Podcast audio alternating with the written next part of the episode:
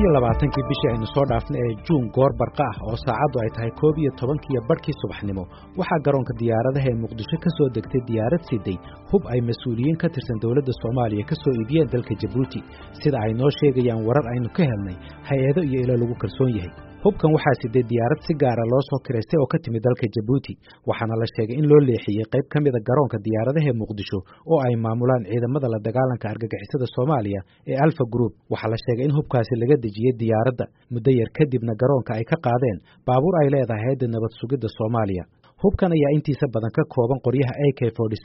oo la sheegay tiradoodu inay gaadhayaan saddex boqol oo qori iyo bastoolado iyaguna gaadhaya saddex boqol rasaas iyo qalab kale oo militari warar xoogogaal ah oo lagu kalsoon yahay waxay ii sheegeen in hubkan laga soo iibiyey jabuuti qaab suuq madow ah waxaana la ii sheegay in soo iibinta hubkan uu hawsheeda qaabilsanaa. Taliyaha nabad sugidda ee gobolka banaadir saadiq cumar oo ku magac dheer saadiq john. Hubkan waxaa la ii sheegay in loogu talagalay ciidamada lagu magacaabo ciidamada xasilinta magaalada muqdisho oo tiradooda lagu qiyaasay ilaa kun iyo shan boqol oo askari. Kuwaasoo la ii sheegay in maamulkoodu inta badan uu gacanta ugu jiro taliyaha nabad sugidda ee gobolka banaadir saadiq john dowladda soomaaliya waxaa loo ogol yahay inay soo iibsato hubka noocan ah golaha ammaanka ee qaramada midoobey ayaa bishii maarso ee sannadkii labada kun iyo saddex iyo tobanka qayb ahaan qaaday cunaqabatayntii saarnayd soomaaliya waxaana tallaabadaasi dowladda ay u oggolaanaysay inay soo iibsato hubka fudud. Hase yeeshee xayiraadda qayb ahaan la qaaday waxaa ku xirnayd shuruud oo ah in dowladda soomaaliya iyo ciddii kale gacan siinaysaba ay ku wargeliyaan golaha ammaanka ee qaramada midoobey ugu yaraan shan maalmood ka hor inta aan la keenin hubka.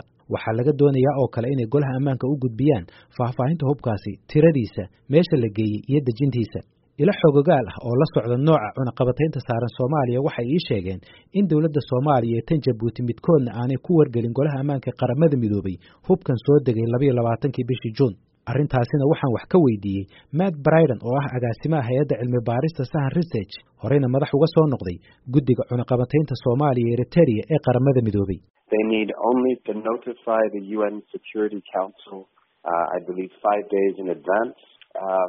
So there is no restriction. As long as those do not include the kinds of heavy weapons, anti-aircraft, anti-tank weapons that are waxa uu yidhi waxay u baahan yihiin in golaha ammaanka ee qaramada midoobey ay ku wargeliyaan shan maalmood ka hor. Ma jirta ayuu yidhi xayiraad saaran hubkaasi yaryar haddii aysan ku jirin hubka culus sida lidka diyaaradaha iyo lidka taangiyada oo mamnuuc ah sida uu dhigayo qaraarka golaha ammaanka ee qaramada midoobey waxaase waajibka adag ee la socdaa uu yahay ayuu yidhi in dowladdu ay ku wargeliso qaramada midoobey ciidanka helaya hubkaasi sida loo kaydinayo iyo sida loo maamulayo goobta lagu isticmaalayo ayna warbixin joogta ah ka bixiso lixdii biloodba hal mar sida ay ii sheegeen saraakiil xogagaal ah caqabad kale oo ka timid hubkan ayaa ah qaabka looga bixiyey garoonka diyaaradaha ee magaalada muqdisho iyo goobta lagu xareeyey. Saraakiil ka gaabsaday in magacooda la sheego waxay ii sheegeen in aan lala socodsiinin saraakiisha ugu sarraysa laamaha amniga ee dowladda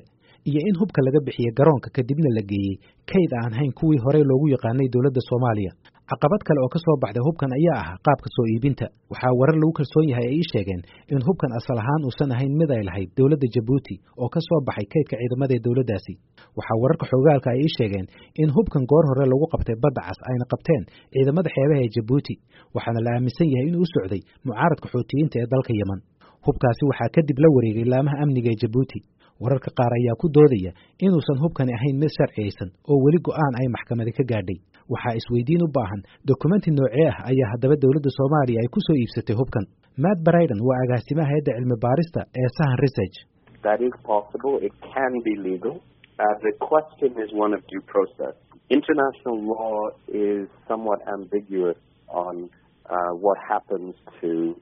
waxa uu yidhi waa suurtagal oo sharci ayuu noqon karaa. Laakiin su'aashu waxay tahay mid ku saabsan raacista sharciga. Sharciga caalamiga ah ayuu yidhi si cad uma qeexayo hantida sharci darrada ah ee lagu qabto biyaha caalamka sida hubka iyo daroogada. Laakiin mabda'a asaasiga ayaa ah in haddii agab sharci darraha lagu qabto badda in waddanka qabtaa uu go'aan ka gaadho sida loo isticmaalayo iyadoo la sii marayo maxkamadaha waddankaasi. Maxkamadaha waddankaasi ayaana go'aan ka gaadhi kara cidda iska leh in la celinayo iyo in loo wareejinayo ama laga iibinayo waddan kale. Su'aashu waxay tahay ayuu yidhi haddii ay jabuuti hubkan qabatay inay sharciga u martay oo ay soo marisay maxkamadaheeda iyo waxa sharciga jabuuti uu ka qabo arrintan waxa kale oo warar dhinaca amniga ah ay ii sheegeen inuu socdo baadhitaan ku saabsan in dadka uu ku socdo hubkan. Markii laga qabanayo badda cas ay ahaayeen kuwo ay saaran tahay cunaqabataynta dhinaca hubka ee qaramada midoobay oo ku sugan dalka yeman haddaba waxaan arrinta hubkan kala xiriiray wasaaradda arrimaha gudaha ee jabuuti wasaaradda amniga ee soomaaliya xafiiska ra'iisul wasaaraha soomaaliya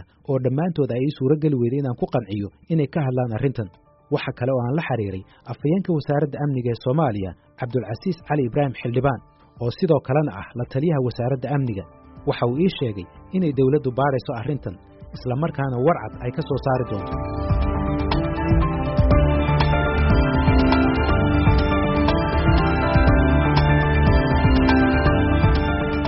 haatanna macluumaad dheeraad ah oo ku saabsan barnaamijkii ugu dambeeyey galka baarista ee baxay sagaal iyo tobankii bishii juun ee aynu soo dhaafnay. Barnaamijkaasi galka baarista waxaan ku soo qaatay dil bishii maarso ee sannadkii kun iyo sagaal boqol iyo toddobaatan iyo sideeddii loo geystay askar soomaaliyeed meel u dhow magaalada garab case ee duleedka magaalada jigjiga. Barnaamijkaasi waxaan ku waraystay qaar ka mid a saraakiisha ku sugnayd gobolka soomaali galbeed xogna ka hayay dhacdada ama looga warbixiyey qaybtan labaad ee barnaamijka galka baarista waxaan ku soo qaadanayaa waraysi aan la yeeshay. Qaar ka mid a askartii ku sugnayd magaalada jigjiga oo ay ku jiraan kuwo ka badbaaday dhacdadaasi. Barnaamijkanina waxa uu dhammaystir u noqonayaa taariikhdii hore ee baxday. Waxaa muhiima in la xuso in dhacdadani ay dhacday xilli jahawareer iyo dagaal ay asqeeyeen ciidamada soomaalida.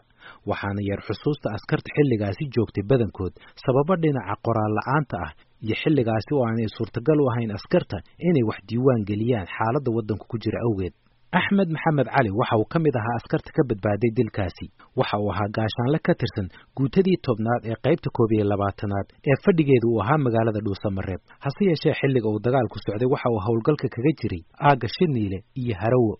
Markii lagu soo jebiyey dagaalka waxay u soo lugeeyeen axmed maxamed cali iyo ciidankii la socday dhinaca magaalada jigjiga oo ay soo galeen toban habeen kadib subaxdii xigtayna waxaa looga yeeray xerada ciidanka ciidamo badan oo ah kuwa loo yeeray lama aysan soconin guutadoodii ama ururkoodii waxayna magaalada jigjiga ku soo galeen qaab habqan ah. Shiniile iyo jabuuti inta ka dhacda ciidanka ka soo jooy baanu ahayn. Ilaa tobaneeyo habeen baan soo lugeynay taliskii ugu weynaayo harmukaayl qaybta taliska u ahaa waa soo burburo waa la qabsaday meeshaas lug baanu ku soo gallay hameenkaas anagoo dhowr iyo toban nin oo iska soo baxay oo hoogin hameenkii markaanu meeshaa subaxdii mikrofon baa lala kacay. Meesha waxaa iskugu yimid abkay ciidan waxa habqanaaba iskugu yimid halkaas ciidankii markaa qoryaha waa laga xareeriyey meeshaa markii la iskugu tagay waxay ciidan bulsiya malataara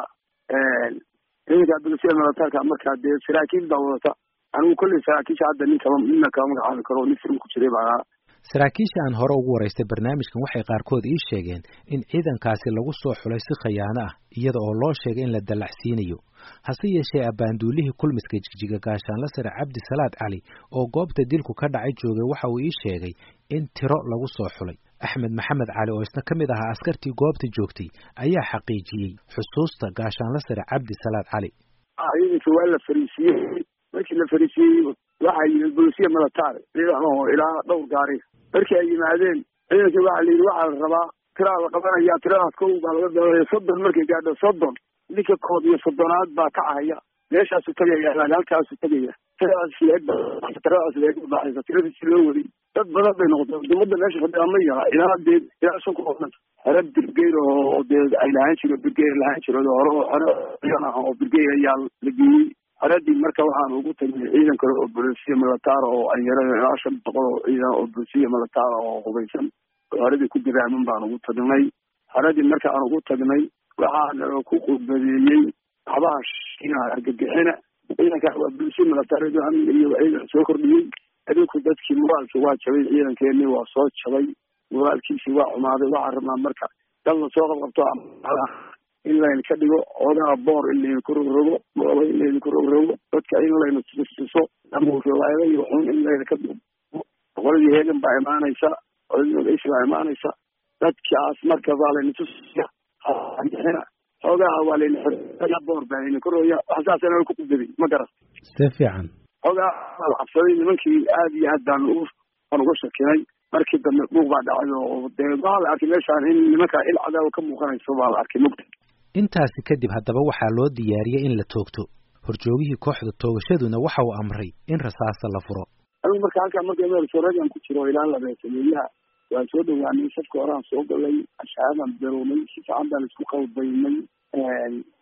una akrinaya adduun nimanka tegey baanu isku qalbaynay waxaasoo hayna dhaaftaa nimid aad baan ugu soo dhawaanay ashaadana waa ku dhawaaqana tawxiidkaan ku dhawaaqa halkaa markay marayso baabuurtii baa ka dhex baxday markii baabuurti ka dhex baxdayna amarkiibuu siiyey annagoo maqlayna xabadii u dalbay kufuur buu yiri dafka fura markuu yiri aan ugu bilaabatay dee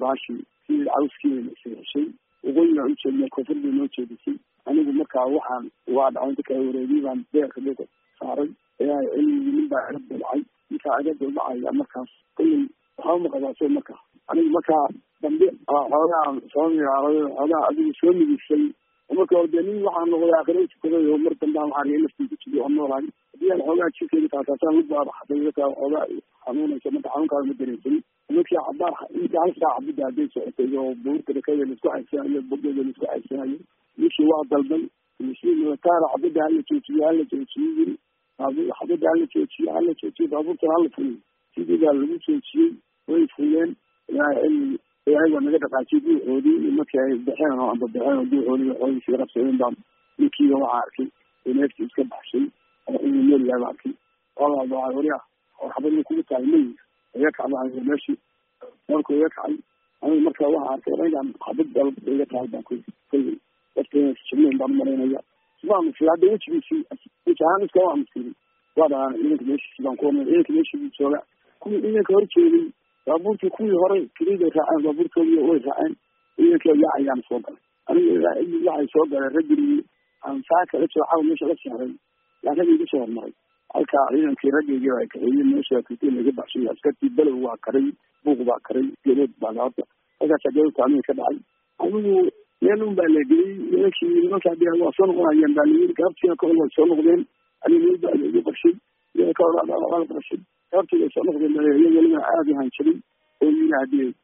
naari meel qabow male xabadii kaara marray soo galaysa xagga ninka u gudbaana waa xabad. Oo adalka raggii saaxiibadiina saaka len ka qaaday meesha gaarsiiyen soo cay iyaga waxyaalahaas ku hanjiray gaabtii ku soo noqdeen baa layihi meeshii hadaba aniga de aan joogin oo dhaawacnaa meel laygu qariyey maalinta uu dilku dhacay habeennimadeedii ayaa askartii taqaanay axmed maxamed cali waxay ku soo dhex qariyeen dhaawac laga keenay lafaciise waxaana la keenay deegaanka gadhyogol oo koonfur kaga beegan magaalada hargeysa. Muddo kadibna waxaa loo soo dhaadhiciyey magaalada beledweyne ee gobolka hiiraan. Hase yeeshee caafimaadka lugtiisa oo sii xumaaday darteed waxaa loo gudbiyey magaalada muqdisho. Marka hore jiirka madhay dee intaasaan meel maray hal daawa hal daawa ma qaadan. Waa dhacdhacday bixiraa galay waagoyn waa ka guuday alayi kuli xaal hawshaasna soo dhaca marka askarinimo markiibaa kugu dambeysay? Askarinimolkii baa igu dambeysay. Waxaa waxalaala waxaa lahaa intaasoo waxaa lahaa dib uguma noqon. Haddaan inshaalla lahaa haddaan abasiin lahaa haddaan wax kasta lahaa dib uguma noqon. Imise qofaad kaga badbaadeen? Imisaad dhimatay imisaad ku badbaadeen? Inkaa kolley anigu ninkaa ku sheegayo waan hubaa waxaad ka badbaaday marka waxay sheegayeen anigiisi niman dhaawac oo qaaday oo meel geeyey oo qasiin waa sheegayeen oo laba nin. Ninkaa laakiin aniga aan saarnay waxba maqabin dhankiisa wuu orday. Wax maqataa kaa weydiin wax maqataa ma qabin. Yiri aniguna markaas dhaawac gaaray. Dhinaca kale waxaa faahfaahin laga helayaa qaar ka mid a askarta la laayey abuukar gacal cali waxa uu ahaa isbatoore. Waxa uu ka mid ahaa guutada shan iyo tobnaad ciidanka uu taliyaha u ahaa maxamuud sheekh dulqaad. Waxa uu abuukar ku sugnaa magaalada boorama xilliga uu dilku dhacayo. Waxa uu ii sheegay abuukar gacal cali in askarta la laayay maalintaasi uu ka mid ahaa askari ay isku mar wada qorteen askarnimada saaxiibkiisna ahaa. Waxaa ku jira yar suudi dhaga dheere la yidhaah kun iyo sagaal boqol iyo toddobaatan iyo lixdii labaatan iyo sagaalkii february ayaa degmada afgoya ciidamada uga soo biiray. Ninka iga horreeyey suudi dhaga dheeraa la dhihi jiray. Ilaaha u naxariisto suudiyaa la dhihi jiray wiilkii iga horreeyey u ahay lamar lix u ahay anna lamar toddobana ninka toddobaadaan ahay asaguna ninka lixaad u ah. Isku ururaan dhaqanay raggii jabuuti la geeyaan nahayn la tababaro hil weyne ka soo wada baxay intaana la bedelay intaasaan isla jirnay. Ragga la sooco ku jiray. Oo la laayay ninkii aniga iga horreeyey abuukar gacal cali waxa uu intaas ku daray inaanu sheegi karin cidda dhab ahaan amartay dilkaasi. Waxaa haddaba soo baxaya su'aalo la isweydiin karo baaritaankan uu sameeyey barnaamijka galka baarista waxaa ka soo baxay in askartani aysan ka wada iman urur keliya. Sidoo kale waxaa suuragal ah in siyaabo badan ay ku yimaadeen goobta lagu toogtay. Waxaa dhici karta in qaarkood loo sheegay in la dalacsiinayo halka kuwo kale ay yimaadeen goobta iyaga oo aan ka warhaynin sababta ciidankuna waxa uu ahaa ciidan tiro badan waxaana dhici karta in fariinta iyo ujeeddada isu imaatinka aan la wada gaarsiinin ciidanka baaxaddooda iyo ururada kala duwan ay ka tirsan yihiin darteed. Waxa kaloo wararka qaar ay aaminsan yihiin inay jireen askar cusub oo markaasuuni ka soo baxay tababar oo lagu soo dhex daray ciidamada rigliga ahaa horeyna u sii tababarnaa. Taasina ay sii kordhisay jahawareerka